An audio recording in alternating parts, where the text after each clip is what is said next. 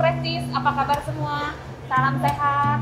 Kali ini saya ingin mewawancara singkat bersama dengan teman saya, Ibu Devi Tresnawati, seorang uh, ibu notaris dari Kabupaten Bandung Barat. Salam sehat, Bu. Saya kali ini berada di Cafe Belami, Jalan Cihapit. Kebetulan punya teman saya, halo Citres. Salam sehat juga. Kali ini saya ingin membahas bersama dengan Ibu Deti uh, bagaimana seorang WNA bisa memiliki rumah di Indonesia. Kali ini uh, saya ingin menanyakan, Bu, banyak sekali uh, klien-klien saya yang memang ekspatriat uh, bingung gitu, gimana caranya bisa memiliki rumah di Indonesia.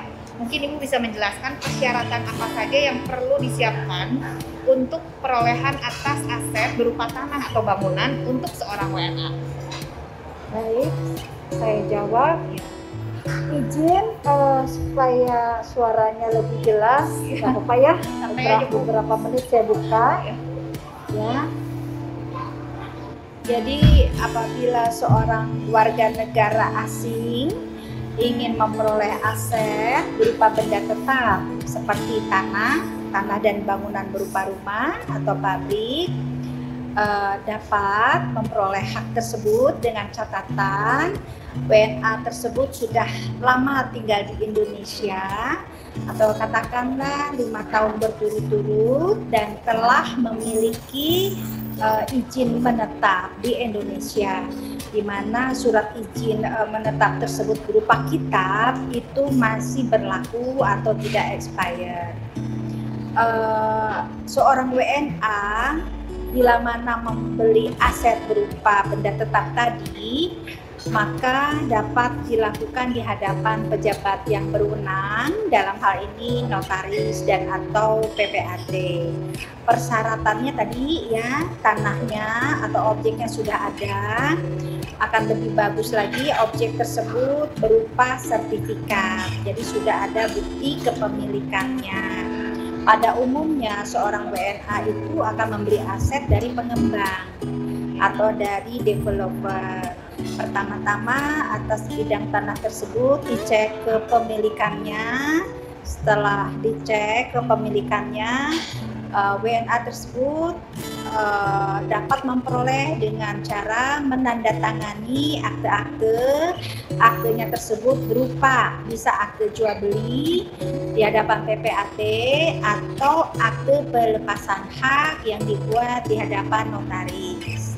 Nah, uh, sebelumnya uh, mereka berkewajiban membayar kewajiban pajak dulu berupa untuk penjual atau pengembang misalnya PPH dan untuk WNA tersebut membayar BPHTB.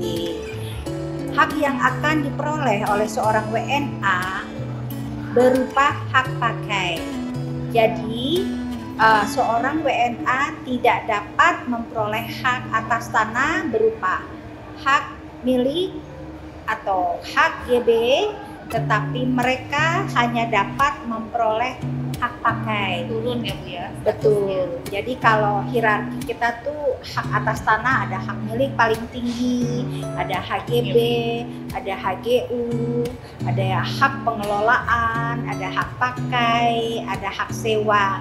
Nah untuk WNA hierarkinya di bawah ya hak pakai Nah, setelah itu WNA akan menandatangani surat-surat yang diperlukan uh, untuk proses balik nama. Itu akan disiapkan oleh uh, BPN, formnya ditandatangani, setelah akte-aktenya dibuat, lalu dimohonkan ke BPN untuk sertifikat tersebut pertama-tama diturunkan dulu haknya menjadi hak pakai. Kalau asal haknya adalah HGB.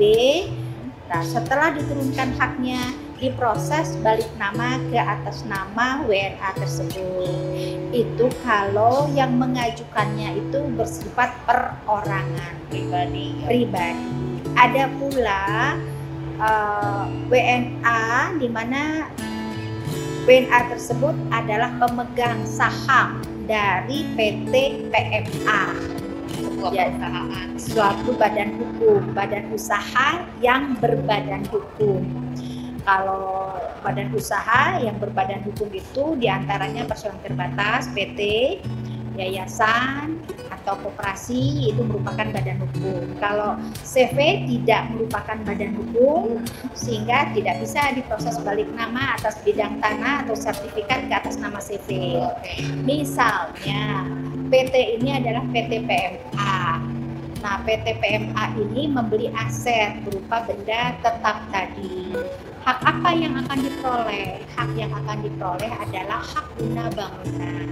HGB. HGB yang mana jangka waktunya sama eh, sampai dengan 25 tahun atau 30 tahun.